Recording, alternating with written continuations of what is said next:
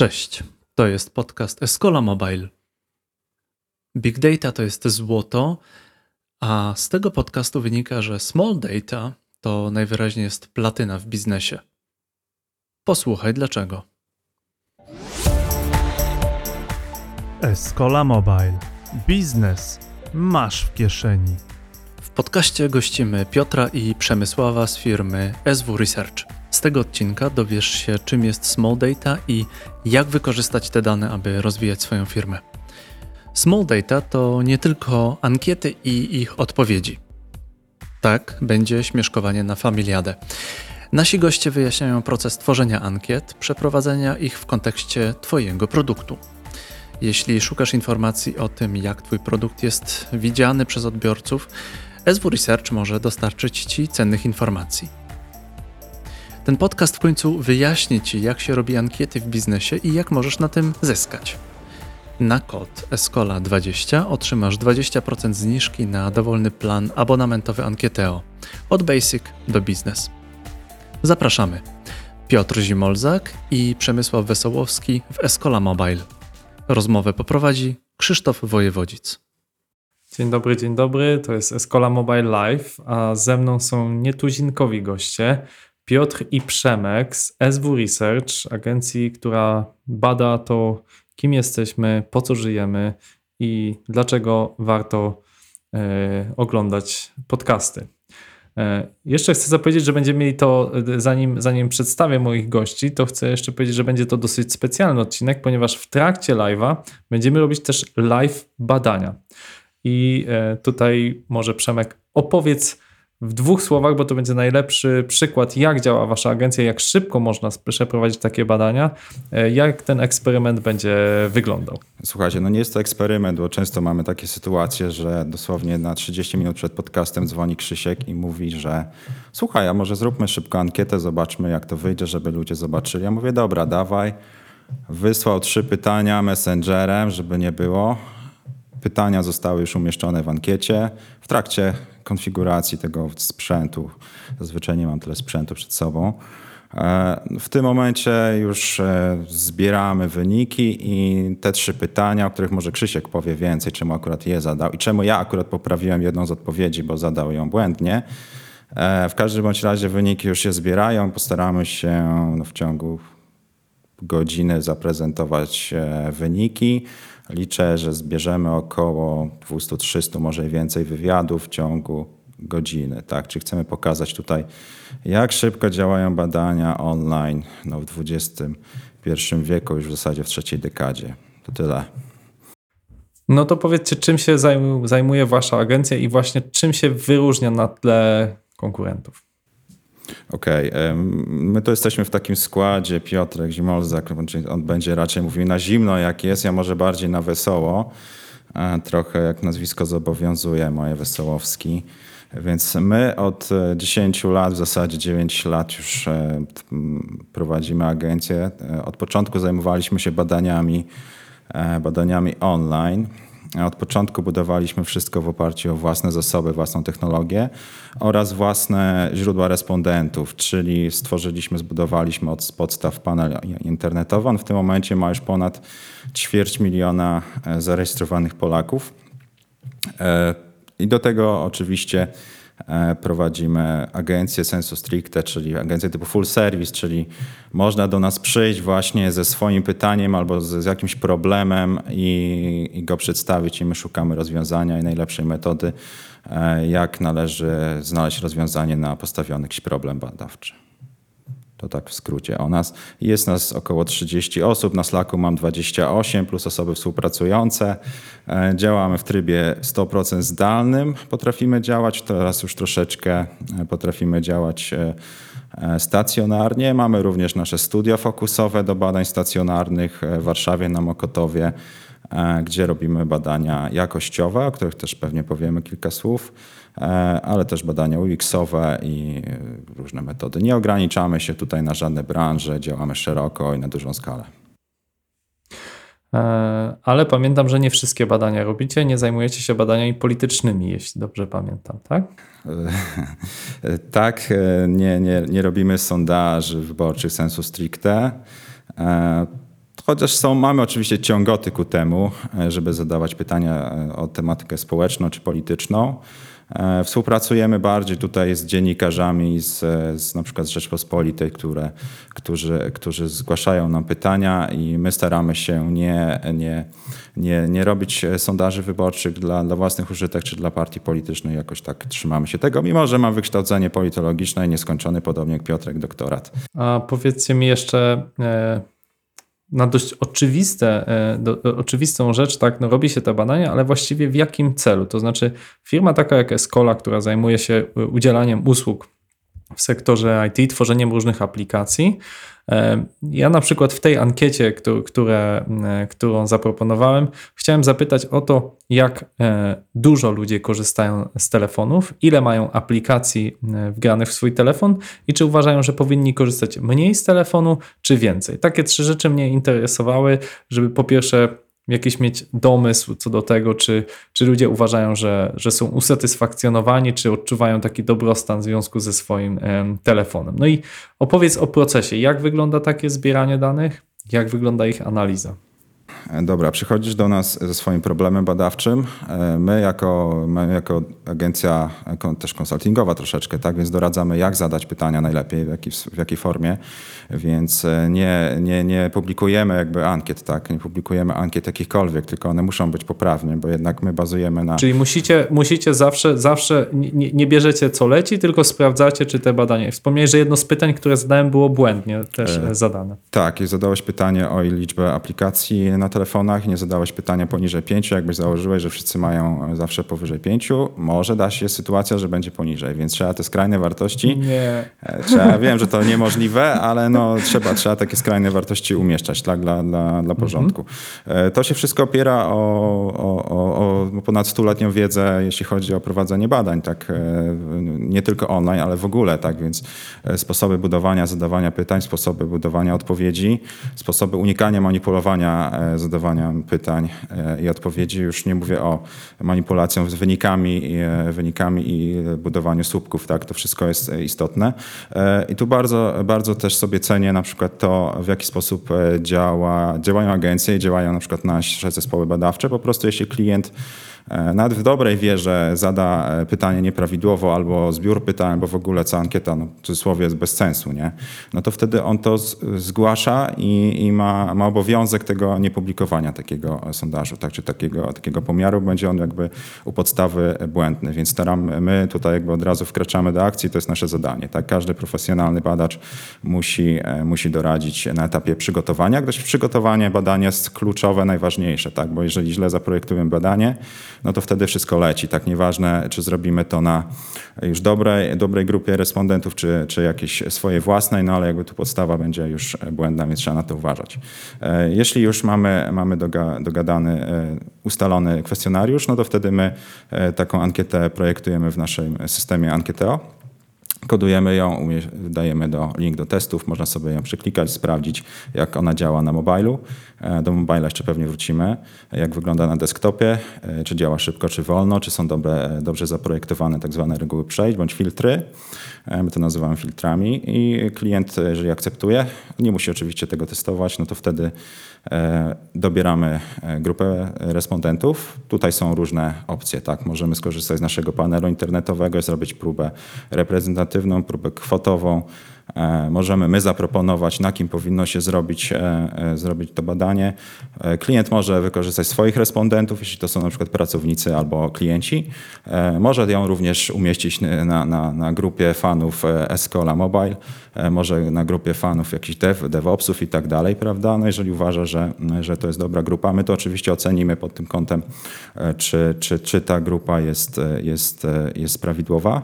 E, Dodamy oczywiście wszelkiego rodzaju zabezpieczenia przed e, wielokrotnym wypełnianiem ankiety, e, pytania screeningowe, żeby zakwalifikować do ankiety tylko osoby, które powinny się w niej znaleźć, bo to jest wielkie wyzwanie oczywiście badań online, że my nie wiemy, nie mamy kontaktu z respondentem, a nie możemy zawsze włączyć mu kamerę i sprawdzić, czy, czy po drugiej stronie jest na pewno pan Mirosław Skalisza, lat 65. E, Bo, bo nie zawsze tak jest, ale jakby tu mamy swoje sposoby na, na analizę tego. No i jeżeli jest e, już to zaprojektowana próba, to uruchamiamy badanie, e, zbieramy wyniki. Już od pierwszego wywiadu możemy, możemy je w zasadzie zacząć analizować. Nie? A dla klienta dostarczamy najczęściej gotowy zbiór wyników, bądź, bądź jakieś przekroje w Excelu, bądź raport, tak, który robimy coraz częściej. Robimy ładne, kolorowe raporty, a nawet infografiki, a jeżeli trzeba, to komentujemy na żywo, bądź, bądź robimy ładne infografiki do tego. Pokrótce. Long history short. No to domyślam się, że jak, że jak e, właśnie macie tak duży dostęp do danych, to co chwilę występujecie w e, TVN-ie. Piotr, słyszałem, że wczoraj odwiedzałeś tą stację. Czy w TVP to było? Nie pamiętam. Nie no. Możesz teraz sprostować. Tak, To y, robi mało różnicę, ale to był akurat TVN. E, To prawda, mm, to też był ciekawy przypadek, ponieważ często realizujemy tyle badań, tyle, e, tyle projektów, że y, sami jesteśmy zaskoczeni, kto kiedy publikuje te wyniki. I w tym przypadku akurat też e, było tyle ciekawie, że tuż po konferencji, która się zakończyła, e, konferencji poświęconej zdrowiu psychicznemu Polaków w, e, dobie pandemii, o nazwie Nasza w tym głowa, w tym samym momencie zadzwoniła redaktorka z TVN-u i umówiła się w pół godziny na wywiad, także dla nas to idealnie, bo wpisuje się w naszą e, filozofię szybkiego działania i, i zawsze mamy coś ciekawego do powiedzenia. No to jak masz ciekawego coś do powiedzenia, to powiedz w takim razie, jak, jak, jak cię sprawdzę, czy, czy, czy, czy jaki jest w takim razie dobrostan Polaków w okresie pandemii? Na szczęście użyłem liczby mnogiej, że my mamy do powiedzenia, więc niekoniecznie ja akurat w tym momencie. E, znaczy, nie, chodziło konkretnie o dobrostan, ale o zdrowie psychiczne i tak naprawdę tutaj e, no, dużo pracy przed nami jeszcze, o tak w skrócie mówiąc. Jest to ostatni dzwonek, żebyśmy coś z tym zrobili, e, bo po niespełna roku od wybuchu pandemii jesteśmy w momencie, w którym w którym zauważamy, że oprócz skutków ekonomicznych, gospodarczych, i finansowych, zdrowotnych są jeszcze skutki e, no właśnie psychologiczne, psychiczne, które mogą mieć długo- długotrwałe efekty e, niż, niż wirus, który prawdopodobnie zniknie za jakiś czas. No dobrze, to chciałbym Was zapytać, ponieważ ostatnio bardzo modny jest temat Big Data. Mieliśmy tutaj okazję gościć Aleksandrę Przegleńską, która na- analizuje e, wraz z Przemkiem Chojeckim, którzy analizują duże zbiory danych. I to jest coś, czym głównie też my jako Escola się zajmujemy. Przetwarzamy duże bazy, e, czy to finansowe, czy to duże bazy związane z rozpoznawaniem obrazów. Natomiast e, ciekawi mnie, jakie informacje dają te relatywnie niewielkie badania. Mam, Przemek wspomniał, mamy 200-300 odpowiedzi. Czy to się wtedy nazywa small data i czym to właściwie jest? No dobrze, to ja może rozwinę ten wątek. Rzeczywiście jest tak, że co jakiś czas e, w branży badawczej, właściwie to raz na rok, pojawia się jakieś modne hasło. E, I big data rzeczywiście było takim hasłem, można powiedzieć, 3 lata temu e, albo 2 lata temu, gdzie po prostu była, była, była to swoistego rodzaju próba mariażu agencji badawczych i firm spoza branży badań rynku, żeby połączyć siły i tak naprawdę e, uzupełnić dane deklaratywne, czyli jak e, small data, bardzo fajna e, nazwa, e, którymi my się posługujemy, z danymi dostarczanymi czy dostępnymi e, mm, przez e, zleceniodawców, przez klienta, czyli na przykład przez duże telekomy, e, przez e, firmy informatyczne, przez Google'a i tak dalej, przez e, firmy, które monitorują ruch na przykład, e, w celu właśnie wyciągnięcia jakichś e, nowych, e, ciekawych insightów, czyli nieoczywistych wniosków. E, I rzeczywiście przez jakiś czas e, firmy zastanawiały się, w jaki sposób to połączyć. E, Powstało e, wiele ciekawych projektów. Natomiast e, jeżeli chodzi o stricte różnicę między big data a small data, tak?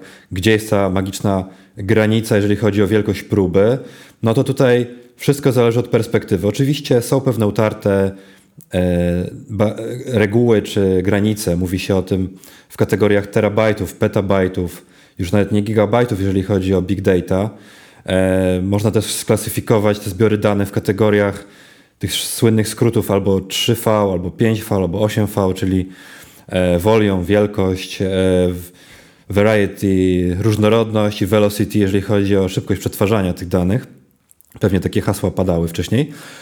E, natomiast jeżeli popatrzymy sobie na dane zbierane w badaniach ankietowych, deklaratywnych, to tak naprawdę do nich również można e, te kryteria przedstawić. Wydaje mi się, że główną różnicą, jeżeli chodzi o big data versus small data, jest sam początek, czyli po co, czego my szukamy. E, ponieważ sposób przetwarzania big data jest taki bardzo, mm, żeby to powiedzieć dosadnie, brutalny i te dane są brane siłą, przemocą, po to, żeby uzyskać e, efekty, których się nawet nie spodziewamy, że osiągniemy. E, nie chcę oczywiście tutaj mm, tego upraszać jakoś spłycać, że big data to jest trochę takie błądzenie we mgle i tak naprawdę wykorzystanie olbrzymiej siły czy mocy obliczeniowej po to, żeby eksplorować dane do momentu, aż coś uzyskamy.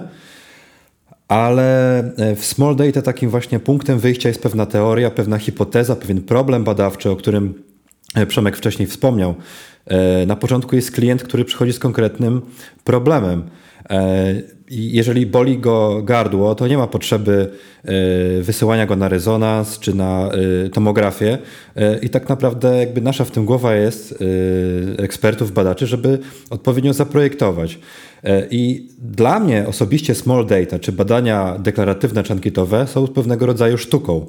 To znaczy, jak e, mając dosyć ograniczone narzędzia. Nie, nie, jesteśmy firmą wielkości pokroju Microsoftu czy Google'a, żeby zastosować nie wiadomo jakie komputery czy e, moce analityczne, ale żeby mm, zastosować odpowiednie narzędzia, które będą na tyle minimalne, ale na tyle również maksymalne, żeby dostarczyć wartościowych danych. I wydaje mi się, że taka sztuka projektowania w small data jest bardziej widoczna niż w przypadku e, właśnie wielkich, ogromnych zbiorów danych. Zrobię tutaj takie małe wtrącenie, że jestem pod dużym wrażeniem, bo jesteśmy w 16 minucie live'a i mamy 164, e, widzę tutaj odpowiedzi do, do tej ankiety, także tempo to jest może w porównaniu z big data to jest mało, ale właśnie chciałem zapytać o, o taką istotność statystyczną, tak? ponieważ no jednym z takich największych oskarżeń, jakie padają wobec badań, to właśnie jest, że e, źle dobrana próba.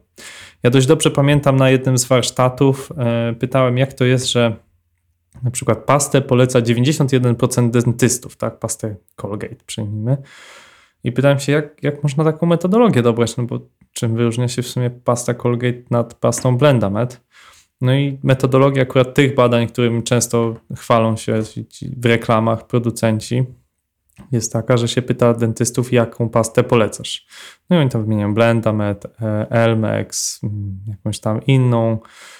E, no i pytają tak długo, aż uzyskają odpowiedź Colgate lub właśnie nie uzyskają już jej tak długo, że już ktoś wymienił 20 marek i dalej mu nie przyszło. Stąd można dość łatwo zrobić wrażenie, że no 9 na 10 9 na 10 dentystów uważa tą Colgate za najlepszą, ale to jest inaczej sformułowane pytanie, tak? jaką pastę polecasz. I, i wiem, że to trudne pytanie na, na, na krótką odpowiedź, ale w jaki sposób układa się taką metodologię i grupę, żeby jednak uzyskać odpowiedź, która będzie dla mnie wartościowa. I to wartościowa dla mnie przykładowo jako prezesa Escoli w, w dalszym sterowaniu firmą, w dalszym e, zarządzaniu e, kontraktami czy doborze klientów, a nie będzie to taka, takie badania, które się robi po to, żeby na, potem na billboardzie napisać tak, 9 na 10 klientów poleca pastę Colgate. No tutaj dotknąłeś bardzo skomplikowanego i trudnego problemu dla nas wszystkich i wielowątkowego, bo z jednej strony mówimy tutaj o, o próbie, żeby ona spełniała odpowiednie kryteria o odpowiednio zadanych pytaniach i o tym, w jaki e, sposób te dane zostaną zinterpretowane i wykorzystane. E, no, przede wszystkim trzeba sobie postawić pytanie, takie co dla ciebie czy dla klienta oznacza wartościowy wynik. Czy wartościową daną jest e, uzyskanie danych, dzięki którym, dzięki którym spokojnie zaśniesz i uznasz, że jakby ok, już posiadłem wiedzę na temat mojego rynku, czy, czy swoją, tak. No tak, czy, czy chce potwierdzić e, swoją Dokładnie tezę, tak. czy chce znaleźć coś nowego, I tak, tak? naprawdę dobór próby oferuje bardzo szeroką gamę. Tutaj nie ma oczywiście czasu i miejsca na to, żeby opowiadać, że mamy i próby losowe, celowe, mieszane, e, e, próby probabilistyczne, nieprobabilistyczne i tak dalej. Też często zdarza się, że klienci przychodzą do nas i się pytają, ile ma być respondentów, żeby próba była ok, albo żeby badanie było wiarygodne. I tak naprawdę mm, no nie ma jed- jednej dobrej odpowiedzi, bo y, wiele zależy od tego, jakie jest źródło danych, czyli skąd ta próba pochodzi. Czy jeżeli mówimy o tych dentystach, 91% dentystów, y, okej, y, jesteśmy zarówno uprawnieni do tego wniosku w momencie, kiedy przebadamy wszystkich dentystów w Polsce, jak i dotrzemy tylko do na przykład 100 dentystów. E, Wszystko jest po prostu kwestią uzupełnienia e, odpowiednich danych, czyli tego, co się znajduje małym drukiem, e, często na billboardzie pod gwiazdką, że badanie zostało przeprowadzone na próbie na przykład 100 dentystów pochodzących z, nie wiem, z Warszawy, i tak naprawdę wtedy jesteśmy zupełnie uprawnieni. Czyli reasumując, nie ma, nie ma badania idealnego, nie da się przebadać wszystkich. To jest też ta różnica, która e, między big data a small data. W big data mamy dane na talerzu, wszystko jest dostępne i tak naprawdę rzadko kiedy musimy wybierać jakieś próby. E, Tu nas ogranicza tylko moc obliczeniowa. W przypadku badań deklaratywnych czy badań populacyjnych zawsze musimy się godzić z tym, że nasze badanie będzie niedokładne, czyli e, będziemy się wyrażać w kategoriach błędu statystycznego albo innego błędu, błędu doboru próby. E, I wydaje mi się, że mm, najważniejsza jest tutaj ta świadomość tych własnych ograniczeń czy ograniczeń narzędzi, którymi dysponujemy. Nie odpowiedziałem na pytanie, wiem, e, ale pytanie było bardzo sko- skomplikowane. Mhm.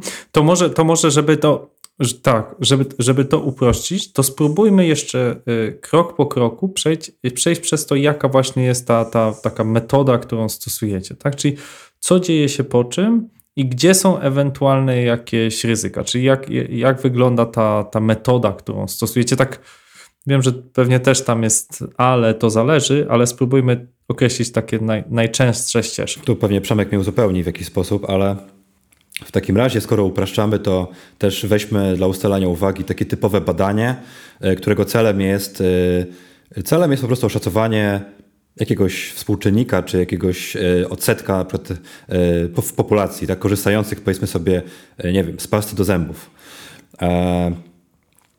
I, I co my robimy? Jeżeli klient sobie życzy, żeby wyniki były generalizowane, czy żeby mógł się wypowiedzieć w mediach, czy w swoich raportach o całej po, o populacji wszystkich Polaków, no to my sprawdzamy wt- wtedy, ok, a co to jest za populacja wszystkich Polaków? I patrzymy, y, jaki jest rozkład płci w tej grupie, e, ile jest y, osób w danych kategoriach wiekowych, gdzie oni mieszkają, z jakich miast pochodzą, jaki mają poziom wykształcenia i tak dalej. E, I my mamy jakby taką, taki szablon, czy taką formatkę do tego, e, czy inaczej mówiąc fachowo, strukturę próby, e, którą musimy osiągnąć. Ale, ale tu spróbujecie, spróbujecie zadać, e, wejść w słowo i zapytać, no dobrze, mamy strukturę próby, ale e, jeśli działa wasz panel, tak? Czyli jakby rozumiem, że to działa na jakiejś takiej zasadzie dobrowolności i deklaracji, że wezmę udział w tym badaniu, no to w jaki sposób możecie zadbać, żeby akurat próba była, no nie wiem, nie składała się z wszystkich jakichś tam osób, które są bardzo internetowe. Znaczy, jak dbacie o to, żeby w panelu internetowym były osoby, przyjmijmy 60 plus w odpowiednim Tutaj wystawię rozkładzie. piłkę do bramki Przemkowi, e, ponieważ jest to e, związane z tym, jak wygląda nasz panel. E, I tutaj e, jak, o to, jak dbamy o jego różnorodność, wielkość, e, zróżnicowanie i, i właśnie to, żeby I seniorów. I na, I senior, dokładnie. I seniorów, tak, przede wszystkim, bo oni są najważniejsi, żeby ich otaczać opieką. Ale e, jedno, i, i- to, co najlepiej pods- podsumowuje jakby e, panel, to jest po prostu takie mikro społeczeństwo, czy mikro taka Polska, jeżeli chodzi o strukturę. czy, czy, czyli jak jest godzina seniora, to na przykład wprowadzacie, że 10, 12 tylko na przykład seniorzy mogą wypełnić ankietę, tak? Dokładnie tak. Okej, to Przemek. Pomysł bardzo interesujący. E, Wiesz co, czy generalnie jest tak, bo mówi, Piotrek mówi o, o próbach e, takich książkowych, reprezentatywnych, których w badaniach się my i większość agencji robi bardzo mało, tak e, mówiąc prawdę.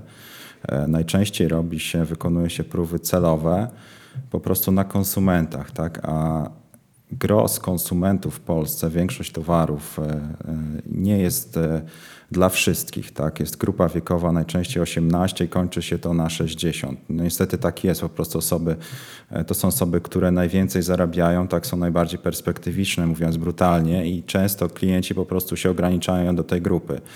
E, Jeszcze 10 lat temu, gdy penetracja internetu w Polsce wynosiła grubo poniżej 50%, to faktycznie my nawet na tej grupie nie moglibyśmy mówić, że robimy super jakościowe badanie. W tym momencie w grupie 18-60 jest to ponad e, 90% zasięgu. Tak? Chodzi o, o, też o co chodzi? Chodzi też o to, jaka jest szansa dotarcia do, do respondenta daną, e, daną techniką, metodą. Tak? I my robiąc badania online, no dla nas kluczowy jest zasięg internetu w Polsce. E, Dopóki on nie będzie w. I e, zasięg internetu to raz, dwa jakość internetu, a trzy e, skłonność osób w konkretnych grupach wiekowych do korzystania z internetu. W Holandii, w Belgii nie ma z tym problemu. Tam osoby starsze mają penetracja internetu wśród tych osób jest bardzo wysoka, dużo wyższa niż w Polsce. I my w Polsce mamy oczywiście te problemy, i w związku z tym my na przykład nie wykonujemy sondaży jako takich wyborczych, tak? dlatego że musielibyśmy pokryć tą grupę najstarszą, 70 raczej plus niż 60 plus, inną techniką, na przykład badaniem CATI, co również wykonujemy. Tak? Czyli my, odpowiadając na pytanie, my, jeżeli mamy takie zapotrzebowanie na zrobienie super jakościowego sondażu, byśmy to zrobili w grupie do 70 lat e, metodą online, która jest najtańsza, najszybsza i jak widzisz też e, też tam widzisz, prawda, ile z tych wywiadów teraz, a e, inne grupy byśmy pokrywali e, badaniem telefonicznym. E, Też na całej populacji, mówimy tu o wszystkich województwach, wszystkich wielkościach miejscowości i różnym poziomie wykształcenia. No tego nie jesteśmy w stanie przekroczyć, to się zmienia z roku na rok, tak, no e, w 10 lat temu również sobie gdzieś wynotowałem, przeglądając stare katalogi, Online to było 1,5% w 2007 roku e, całych badań. Tak? Teraz jest to wywiadów przeprowadzanych, teraz jest to już jakieś 60%, jak nie więcej. Tak? Więc to jest, skok jest gigantyczny, tak? więc to się wszystko zmienia. I myślę, że za 10 lat nie będzie żadnego problemu z zrobieniem sondaży, za 5 może nawet, e, wyborczych e, i takich próbach reprezentatywnych. E, Jak my sobie radzimy w panelu? My osób e, powyżej e, właśnie 60 roku mamy w dziesiątkach tysięcy. Tak? To jest po prostu efekt skali, że my nawet te osoby jesteśmy w stanie znaleźć w panelu. Oczywiście one są w jakiś sposób specyficzne, bo korzystają z internetu, no ale jeżeli sprzedajesz produkt cyfrowy na przykład, no to e, nie interesują cię osoby, które, e, które nie korzystają z internetu. Jest to jasne, tak? Nie będziesz sprzedawać e, aplikacji mobilnych dla osób 80+, plus, które nie korzystają z internetu. Nawet jak mają smartfona, no to nic ci to nie da. Tak więc, e, więc to jest jakby odpowiedź na to pytanie. E, Panel internetowy czym się różni od powiedzmy takich osób, e, które, które są, które możesz znaleźć nie, na przykład wśród twoich znajomych lub, lub jakichś grupach facebookowych. Panel online prowadzą agencje badawcze najczęściej, które są audytowane. Czyli my przechodzimy z roku na rok audyty jakościowe, są sprawdzane procedury, sposób e, weryfikacji panelistów, rejestracji, zabezpieczeń, kontroli realizacji badania, czyli kontrolujemy raz e, osoby zarejestrowane e, już od razu jak na wejściu, jak i w trakcie wypełniania ankiet, jak i przy no, wypłatach nagród, nazwijmy to. Tak? Czyli jest tyle punktów, w których my możemy skontrolować e, użytkowników. Tu już mówimy nawet o to, nazwijmy to big data, tak? bo to są dane, e, dane twarde, my to nazywamy, które, które analizujemy respondentów. Możemy do nich zadzwonić, możemy prosić o skan potwierdzenia tożsamości. Część badań wykonujemy na panelu jakościowych, czyli e, z kamerą, tak jak my teraz rozmawiamy. Prowadzimy wywiady kilkugodzinne nawet i rozmawiamy na różne tematy. e, Pokazujemy ekrany i tak dalej, tak? Więc, więc te, tych możliwości kontroli, jeśli ktoś ma panel online, jest bardzo wiele. A dwa, że ten panel u nas się cały czas też rozwija. Tak? My miesięcznie notujemy kilka tysięcy nowych rejestracji, kilka tysięcy osób wypada, ale netto przybywa 5 do, 10, do 8 tysięcy nowych, nowych respondentów, co nam daje naprawdę, naprawdę spore możliwości. To wpływa między innymi na tą szybkość. Także mamy też wszystkie e, wymagane przez RODO zgody, tak? więc to jest kolejna rzecz, więc my te dane możemy przetwarzać. One są w 100% anonimizowane.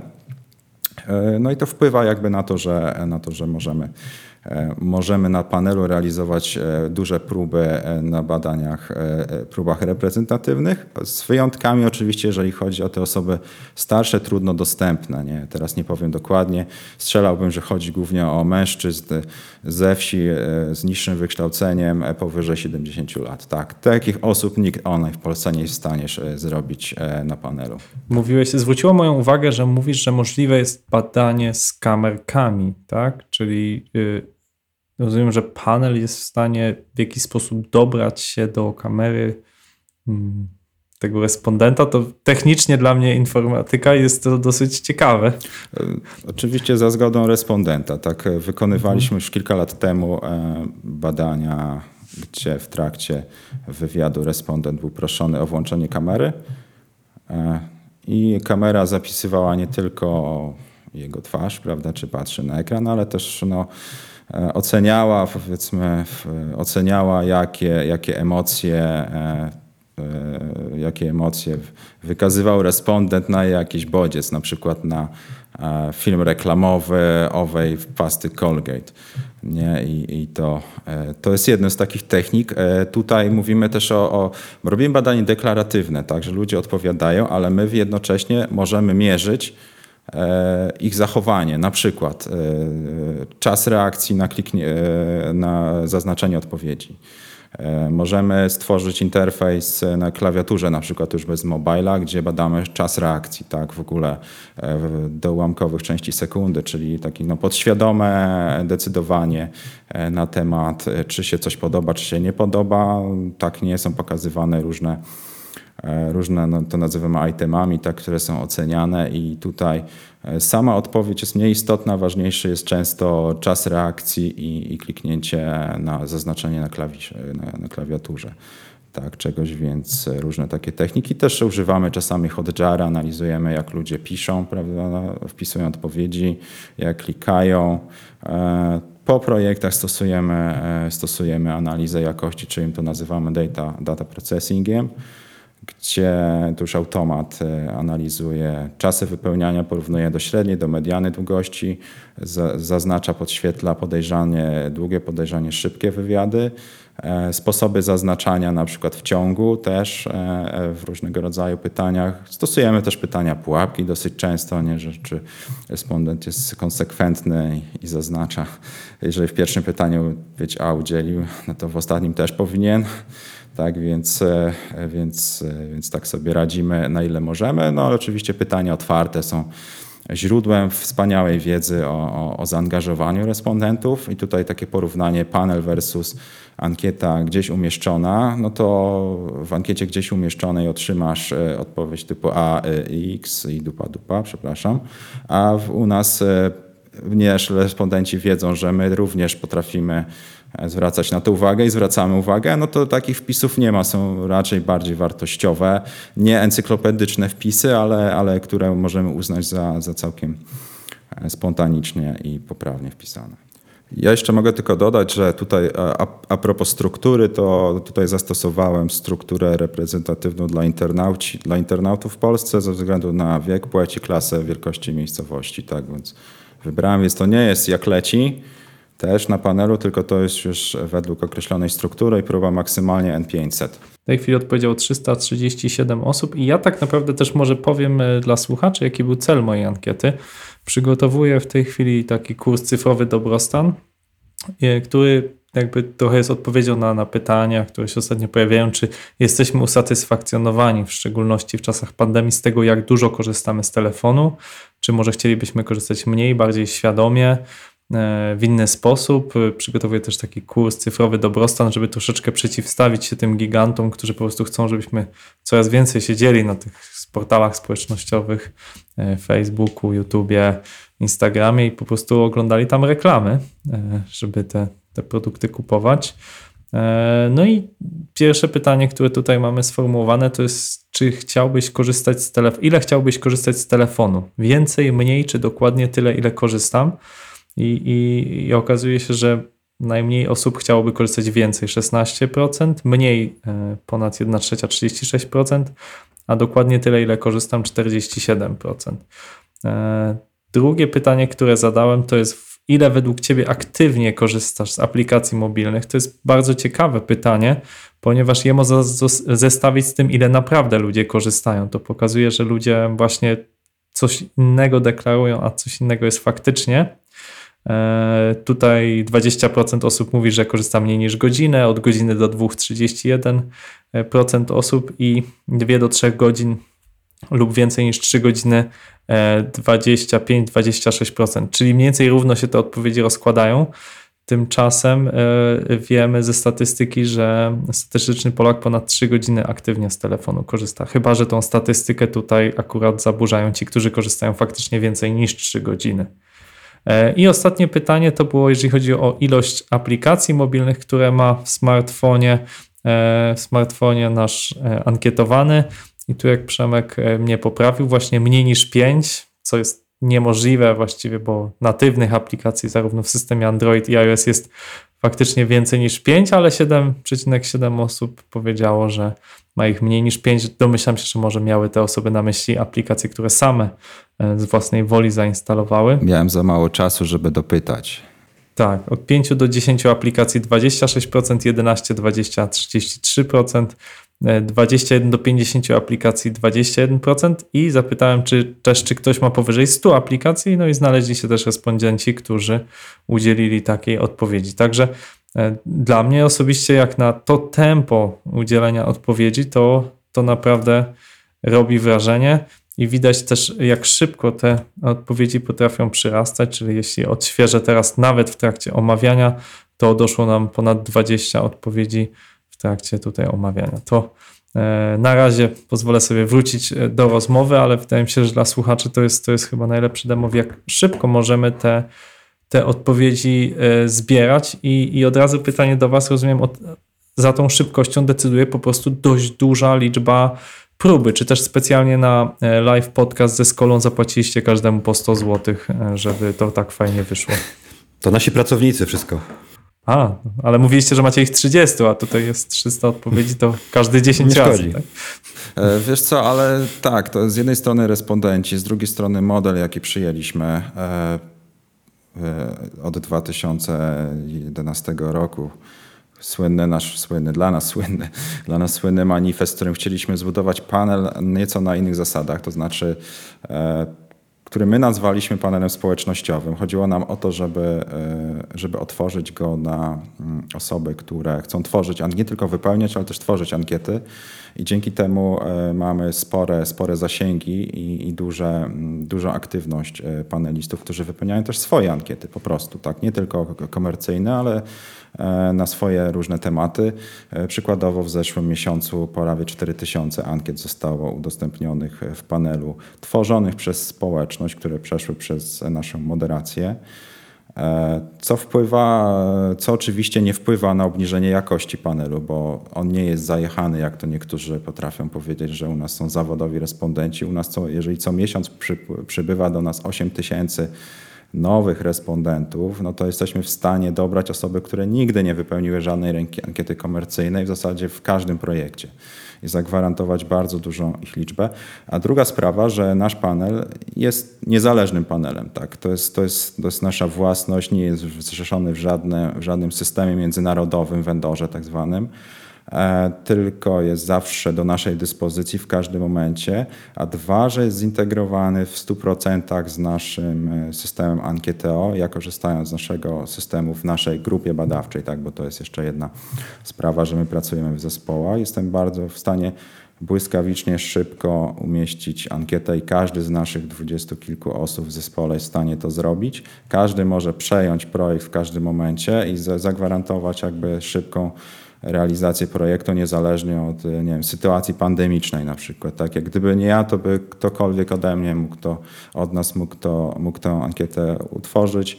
E, Nie wypełniając jej, mogliśmy jeszcze zwiększyć e, ruch, e, umieszczając w różnych social mediach, wysyłając wam linki, zbierając jeszcze na różne sposoby, ale tutaj dla e, zachowania jakości e, woleliśmy to umieścić po prostu w naszym panelu na tej próbie, na tej strukturze. E, To chyba takie najważniejsze. To brzmi bardzo dobrze, ale w jaki sposób ludzie mogą dowiedzieć się o tym? Znaczy, jak to się stało, że te 400 osób, które udzieliły nam odpowiedzi, jak one się dowiedziały? Czy jest to właśnie aplikacja mobilna, to jest od razu myśl w mojej głowie, y, która wysyła pusza, wypełni ankietę, czy może jest to jakaś taka desktopowa notyfikacja, czy nie wiem, trudno mi sobie to wyobrazić, jak to jest, że ludzie akurat wiedzą, że teraz jest ten moment, teraz jest live ze skolą i nie, zakładając, że faktycznie się z nimi nie umówiliście, że oni wiedzą, że trzeba teraz wejść. Naturalnie w każdym momencie, w zasadzie od godziny 8 do godziny 22 u nas przebywa co najmniej 100 użytkowników e, na, na SV Panel, czyli na naszym panelu. To jest raz. Dwa, faktycznie część osób ma wtyczki.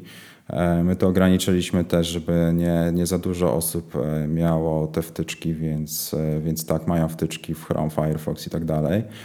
Aplikacji nie mamy, to jest nasza porażka. Kiedyś zleciliśmy budowę aplikacji, może się do Ciebie ukłonię kiedyś, żeby ją poprawić. Myślimy o tym przede wszystkim o PWA aplikacji, bardziej nie o zwykłej.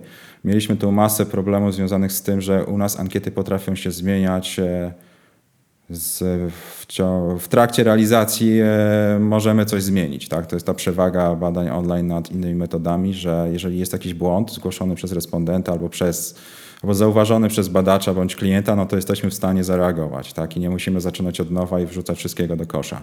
A już nie mówię o rzucaniu e, tony papieru, prawda, które w ankietach papierowych e, się się z, z, no, jak się wypełniało kiedyś, to tego były tony, tak, i to trzeba było archiwizować. Przepraszam, że to zapytam. W jakim celu? Co, co one tam robią? Czy one tam puszczasz im filmy z Netflixa, żeby one tam faktycznie były? Czy no jakby jaki jest cel takiej osoby, że mm, rozumiem, że jest jakiś. To jest, jest społeczność, tak? Często są społeczności związane z dziwnymi różnymi rzeczami. Dla nas ankiety nie są oczywiście dziwne, ale jest e, mnóstwo ludzi w Polsce i na świecie, które lubią wypełniać ankiety, lubią dowiadywać się wyników. Te wszystkie ankiety, które są umieszczone, to można przejrzeć wyniki. To są osoby ciekawe świata, osoby, które chcą coś nowego poznać, więc zadają to, e, te pytania, sami tworzą, tak? Więc jakby samo się to nakręca. My nie musimy za każdym razem umieszczać codziennie ankiet. My, my nie, tego nie robimy, tak? Umieszczamy tylko komercyjne ankiety, które, które wypełniają i to jest oczywiście w modelu freemium dla, dla panelistów, więc oni mogą uzyskać darmowe, e, każdy z was, każdy z nas, was widzów możecie uzyskać e, darmową możliwość umieszczenia swojej prostej ankiety w naszym panelu, wypełnione przez panelistów, tak? E, I dzięki temu tworzycie content i inne osoby to wypełniają. Jeżeli nam brakuje respondentów, to oczywiście stosujemy wysyłki, bądź to SMS-y, tak? E, Zaczęliśmy stosować, jest kilka, e, kilkukrotnie wyszli response rate na, na SMS-y, bądź, bądź wy- wysyłkę mailową, tak? Z zaproszeniami półautomatyczne, automatyczne, więc te, tego stosujemy dosyć sporo. E, No to takie główne, jeśli chodzi o, o, o nasz panel, tak. Ja też wy- wykładam na uczelni i większość, wie- wielu pracowników managementu Escoli też wykłada, że e, musimy to mocno polecać naszym studentom, bo jeżeli rozumiem, jest to narzędzie, które jest w modelu freemium, a, a oni wiecznie rozsyłają po tych grupach uczelnianych te e, Google Sheets czy Google Forms z pytaniami, no i, i, i zamęczają, przyznam, nasze fora i ten, żeby ktoś tam, błagam, wypełni, a tutaj realnie mogą uzyskać wsparcie, tak? Jak najbardziej współpracujemy też z uczelniami.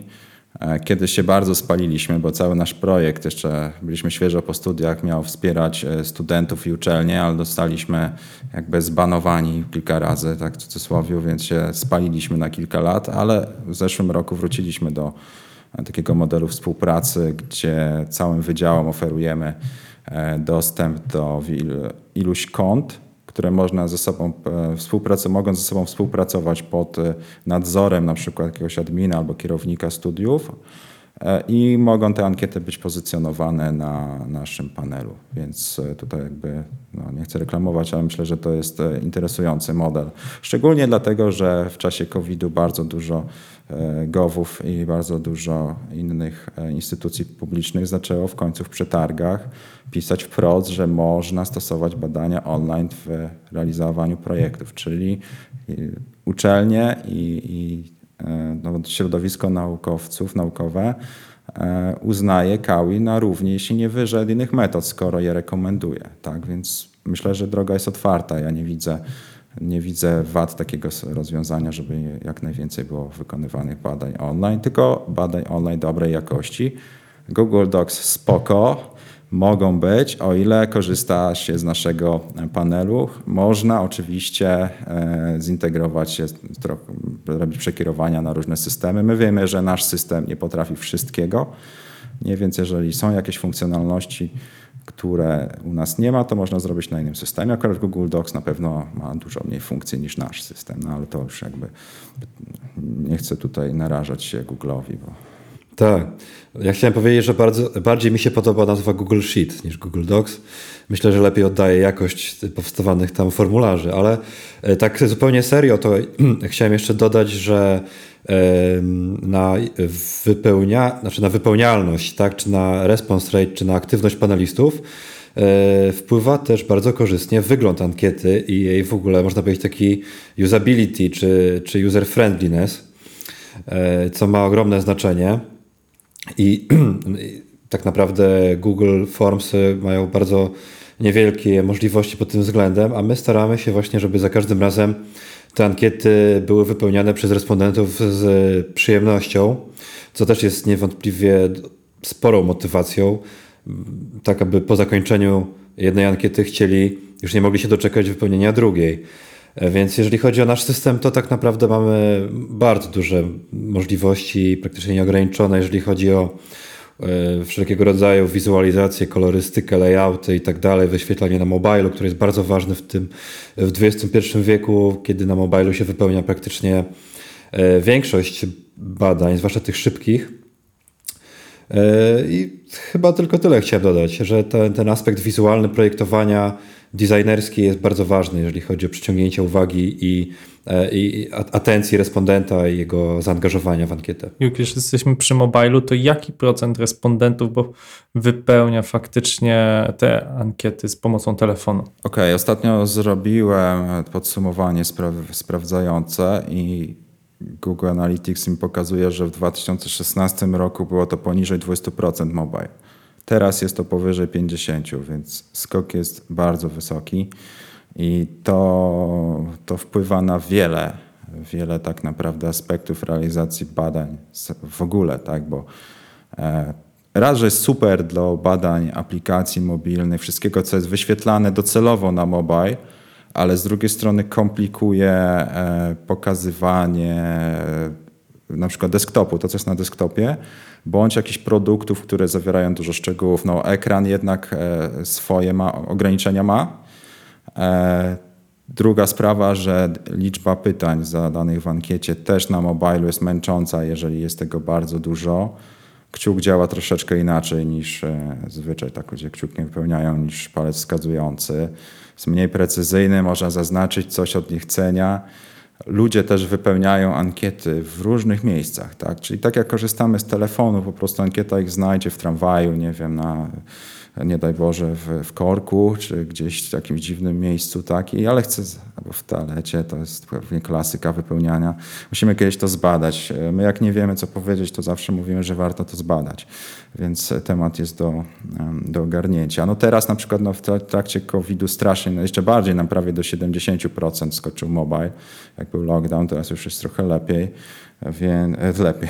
Dla nas lepiej jest jednak desktop, tak? bo z mobilem jest ten problem, mamy responsywne e, e, w ankietach. Jest ten problem, że jest masa urządzeń, masa różnych łączy internetowych, wolniejszych, szybszych, no a bardzo dużo jest w ankietach wideo i, i treści multimedialnych. Nie? Plus E, No mówmy się, klienci lubią coś więcej niż zaznaczanie radiobatonów i checkboxów, na przykład przesuwanie czegoś, układanie, e, jakieś, żeby kolorki się zmieniały, tak? No to wszystko jest e, możliwe w ankiecie, ale to jakby obciąża e, telefon użytkownika i przeglądarkę, tak? No jest to naturalne. My nie mamy często na to wpływu. No przy desktopach jeszcze jesteśmy w stanie e, szybko przetestować, ale przy mobilu no to, to jest już troszeczkę gorzej. Na szczęście, szczęście w nieszczęściu, 20% tego mobila to jest iOS, więc, e, więc jest, e, jest e, tutaj trochę to ułatwione. E, Przemku, Piotrku, ponieważ jest tak mocno siedzicie w badaniach, to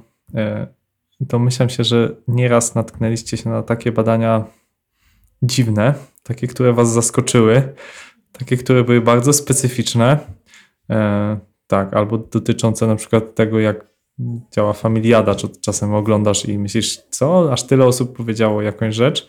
Chciałbym, żebyście opowiedzieli każdy z Was o przykładach badań, które Was absolutnie zaskoczyły. E, Coś, co zupełnie się nie spodziewaliście albo pytań, albo odpowiedzi. Ja mam swój ulubiony przykład zawsze. Najciekawsze są badania, po których nie spodziewasz się, że coś wyjdzie ciekawego, a tak naprawdę wychodzi.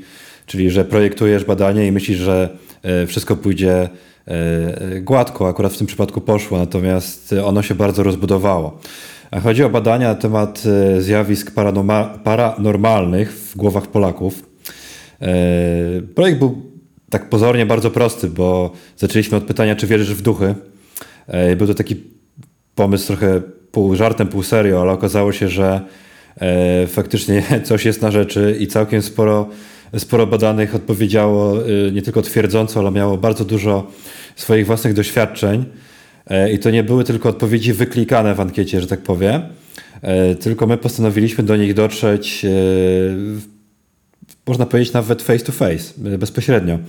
I tutaj jakby mm, taka dygresja, że nie byłoby to możliwe, gdybyśmy nie mieli badań panelowych, to znaczy gdybyśmy mieli danych, pełnych danych o respondencie nie moglibyśmy się z nimi bezpośrednio skontaktować, a właśnie panel badawczy to umożliwia. I my po prostu zadzwoniliśmy do tych respondentów, czy nawet umówiliśmy się na wywiad w celu opowiedzenia o ich doświadczeniach ze, ze zjawiskami paranormalnymi i z każdym z nich przeprowadziliśmy ponad półtora e, godziny ciekawy wywiad, e, który był no, jak na tamte e, no, czasy badania dosyć nieoczywisty.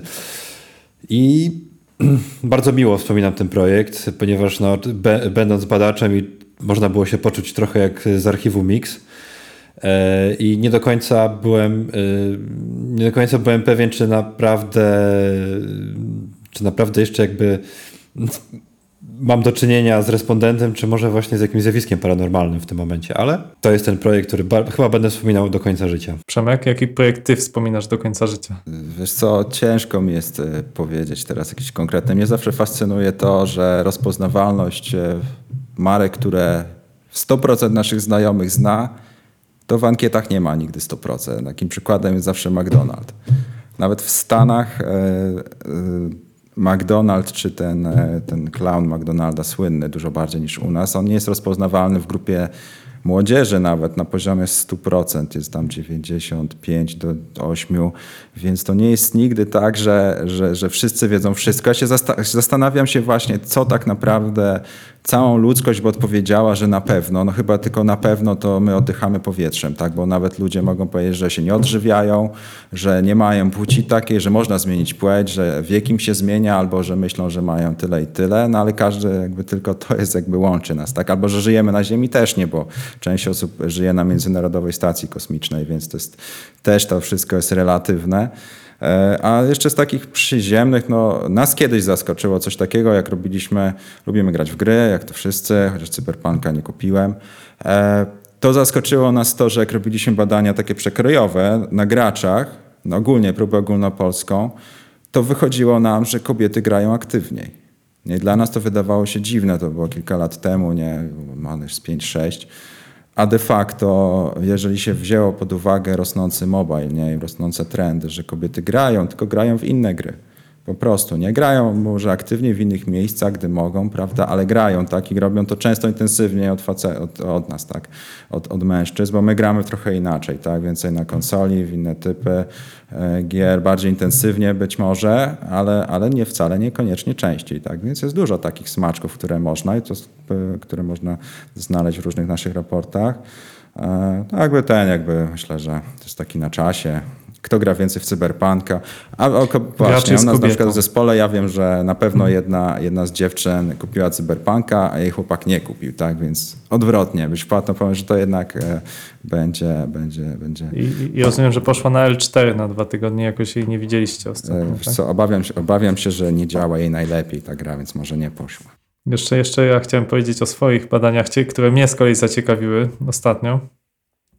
Otóż y, przejrzałem raport na temat tej szczepionki na COVID y, w f- Pfizerowej i byłem szczerze mówiąc w szoku, ponieważ bada się także próbę placebo, czyli jeżeli ludziom się poda tam coś zupełnie neutralnego dla organizmu.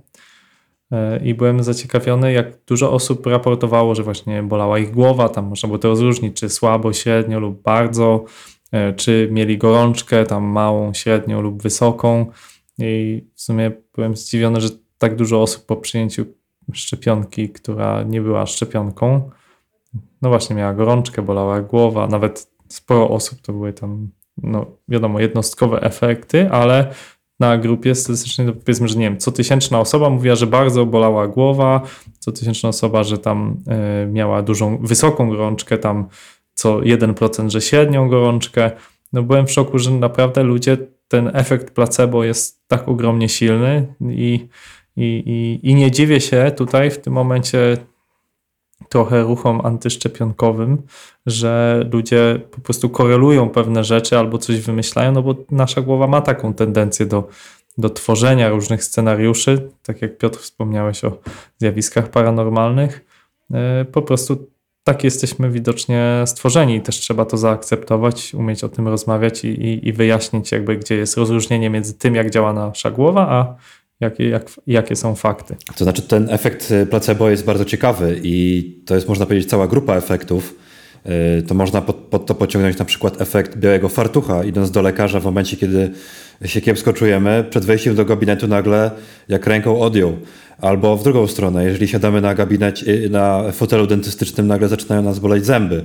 Gdy rozmawiamy o, o zębach, prze, czy z dentystą, czy o dentystach, przelatujemy językiem e, po zębach, żeby sprawdzić, czy wszystko jest ok. E, Dokładnie w ten sposób. E, I takich efektów jest bardzo dużo. W badaniach jest mnóstwo też. Bada e, efekty ankieterskie, efekty dobrego respondenta, efekty jakieś projekcyjne. Efekt dobrego respondenta, czyli że ktoś chce odpowiedzieć tak, żeby przypodobać się ankietującemu, tak? Nawet w internecie, tak? Czy ja dobrze to rozumiem? On był częściej, e, on był częściej obserwowany we, w takich badaniach bezpośrednich, żeby przypadkiem nie wypaść źle, albo na przykład, żeby przypadkiem Aha, czyli, czyli, czyli pije pani dużo alkoholu? Nie, nie, ja praktycznie nie piję i w ogóle nie palę. Tak, więc nawet jeżeli ktoś poprzedniego dnia wieczoru y, dużo wypił, to postanowił sobie, że już więcej tego nie zrobi e, od momentu tego wywiadu z ankieterem. Także y, mnóstwo takich projekt, projekcji się tworzy w naszych głowach i naszych planów i naszych takich deklaracji wypowiedzianych lub niewypowiedzianych. I to jest bardzo ciekawy, y, bardzo ciekawy wątek w ogóle, jeżeli chodzi o badania deklaratywne, jednocześnie z badaniami takimi twardymi, o których mówiliśmy wcześniej, czyli nie tylko big data, ale też badania e, typu eye tracking, e, czy badania właśnie e, zachowania, badania emocji w trakcie badania i potem zestawienie tych, to jest, to jest w ogóle e, e, to mamy nie tylko jakby jeden rodzaj danych, drugi rodzaj danych, ale też trzeci rodzaj danych, który wynika z połączenia tych dwóch rzeczy, z odjęcia jednych e, od drugich i odpowiedzenia sobie na pytanie, dlaczego są te różnice. I to jest w ogóle coś, co e, moim zdaniem bardzo mało czasu jest, czy bardzo mało miejsca w badaniach na ten, e, na ten wątek. A szkoda, a szkoda. Ponieważ my jesteśmy w, pod, w podcaście biznesowym, to mam jeszcze ostatnie takie pytanie do Was. Znaczy, czy, czy kilka pytań związanych z tym, do czego faktycznie te badania mogą się przydać w takim biznesie, jak prowadzę na przykład ja, czyli zajmujemy się wytwarzaniem oprogramowania. Mamy 20 paru, par, 20 kilka trwających w tej chwili projektów informatycznych, oczywiście z różnych branż finansowych, e, jakichś tam e, edukacyjnych, e, czy, czy z różnych, z różnych e, przekrojowo branż. Czy wydaje Wam się, że e, także w segmencie B2B, czyli gdzie nie odpytuję e, prawda, klienta docelowego, ale nie wiem, mogę jakoś agregować te dane, czy, czy macie jakieś takie pomysły na szybko, co Waszym zdaniem, albo Wasi inni klienci to zlecają, warto zwrócić uwagę i warto badać, żeby po prostu e, ten biznes, czy te aplikacje, e, to, to, te, te, te rozwiązania były lepsze i, i klient miał więcej satysfakcji z ich wykorzystania. No, y, przede wszystkim my y, dostarczamy, mówiąc w cudzysłowie, użytkowników końcowych. Bardzo często, tak? Czyli raczej nie robisz aplikacji B2B dla prezesów czy dla członków zarządu innych korporacji, tylko dla korporacji, którzy, które wystawiają te aplikacje do swoich klientów My znajdujemy tych klientów, tak? Czyli my możemy dostarczyć użytkowników potencjalnych, którzy spełniają pewne kryteria, na przykład, to moje ulubione, mają konto lub kredyt w banku X i nie mają w innym banku i chcą na przykład jakiś konsolidacyjny, tak? Więc szukamy takiej osoby, rekrutujemy i e, przekierowujemy je na przykład do jakiegoś demo aplikacji, do jakiejś wersji zamkniętej, bądź na samym etapie projektowania tej aplikacji po prostu powinny wskazać, czego im brakuje tak, w, w rozwiązaniach tego typu. Czyli w czym aplikacja, co jest dla nich tym wyróżnikiem, który skłoni ich do pobrania bądź zapłacenia za, za jakąś usługę, za aplikację. To jest podstawowa rzecz, którą my możemy dostarczyć. Tak? Jaką metodą to zrobimy? Techniką jest wtórne. Tak? Jeżeli to jest aplikacja dla każdego, nazywając w cudzysłowiu, no to możemy pójść tak szeroko, jak teraz zrobiliśmy. Tak? Czyli nawet dać użytkownikom do przeklikania, wykonania jakieś zadanie, przykład e, wyślij za, mm, to, nie wiem, jakiś skan e, swojego, jakiegoś zdjęcie formularzem gdzieś tam, tak. No, jeżeli wykona zadanie, jest zaliczone, no to wtedy masz wartościowy wywiad. Przy okazji może być to nagrywane hotjarem, więc widzimy, jak się zachowują i robimy to na skalę setek tak, osób, czy nawet tysięcy możemy to zrobić w czasie, może trochę dłuższym niż e, godzina, jedna minuta tego podcastu, ale jest to kwestia dni, a nie tygodni, miesięcy, więc jakby możesz od razu zareagować. Jeszcze szybciej możemy zrobić badanie jakościowe i tak już robiliśmy, badanie UX-owe na wersjach mm, no, takich demach, takich, e, które można przeklikać na przykład, tak, gdzie użytkownicy od razu e, mówią, co im się nie podoba, korzystają z tego. Badacz to przekazuje do osoby, która jest- po stronie klienta i ta osoba może zrobić półgodzinną przerwę, czyli tak zwaną kończy pierwszą interakcję, zmienić coś w aplikacji i pokazać zmienioną, tak? I jak on to ocenia, więc możemy jakby na żywo po, wprowadzać poprawki na końcowych użytkownikach i nie są to znajomi królika, czyli to nie są z grupy jakiejś facebookowej, e, na której wiadomo, że wszystkim się wszystkie aplikacje podobają, bądź na, co gorsza, na, na grupie, de, grupie dev, DevOpsów i sysopsów, prawda, z całym szacunkiem, którzy będą szukać dziury w całym, prawda, że im się to ładuje 0,2 sekundy, powinno 0,1. Tak więc e, na końcowym użytkowniku, który będzie odbiorcą. Czyli, To jest kluczowe. czyli możemy robić e, jednym słowem testy AB tak naprawdę w bardzo krótkim czasie. Zobaczyć, ok, to jest aplikacja wersja A, to jest aplikacja wersja B, nie wiem, może to jest wersja C i od razu de facto dość szybko będziemy mieli informację zwrotną od użytkownika, która lepiej się klika, tak? Wiem też, że no, taką metodą UX-ową dobrą jest przejście scenariuszy, to co powiedziałeś, czyli robimy 10 ścieżek, e, 10 zadań w ramach aplikacji czy dema i sprawdzamy, czy wszystkie zadania udało się rozwiązać. Tak? Pracowałem nad kiedyś aplikacją dla branży budowlanej, tam było dodaj swojego architekta, dodaj swoją e, firmę budowlaną, czy mogłeś je bez problemu wyszukać w naszej bazie, e, odbierz voucher na materiały budowlane, czy bez problemu udało Ci się odebrać voucher, czy udało Ci się wygenerować jakiś kod i jeżeli mamy 10 pozytywnych odpowiedzi, no to znaczy, że e, na jakiejś dużej grupie z 10, no to prawdopodobnie aplikacja jest faktycznie prosta, tak? Bo teraz dużo się mówi o tym, że aplikacja ma być prosta, no to jeżeli e, może dla ciebie jest prosta i twoich pracowników to jedno, ale teraz posadź, tak jak mówisz, 20 osób, których nie znasz, które mają różne kompetencje cyfrowe, które mają pięcioletni telefon niekoniecznie z najwyższej półki i zobaczymy, czy ona również przeklika tak szybko to jak połowa twojej firmy, która akurat pracuje na iPhone'ach. E, Mówiąc ogólniej, e, badania pozwalają po prostu wyjść z naszej bańki, w której na co dzień funkcjonujemy, e, czyli wyjść do ludzi, którzy, którzy mają inne kompetencje, którzy inaczej myślą. Takie świeże spojrzenie e, jest bardzo cenne.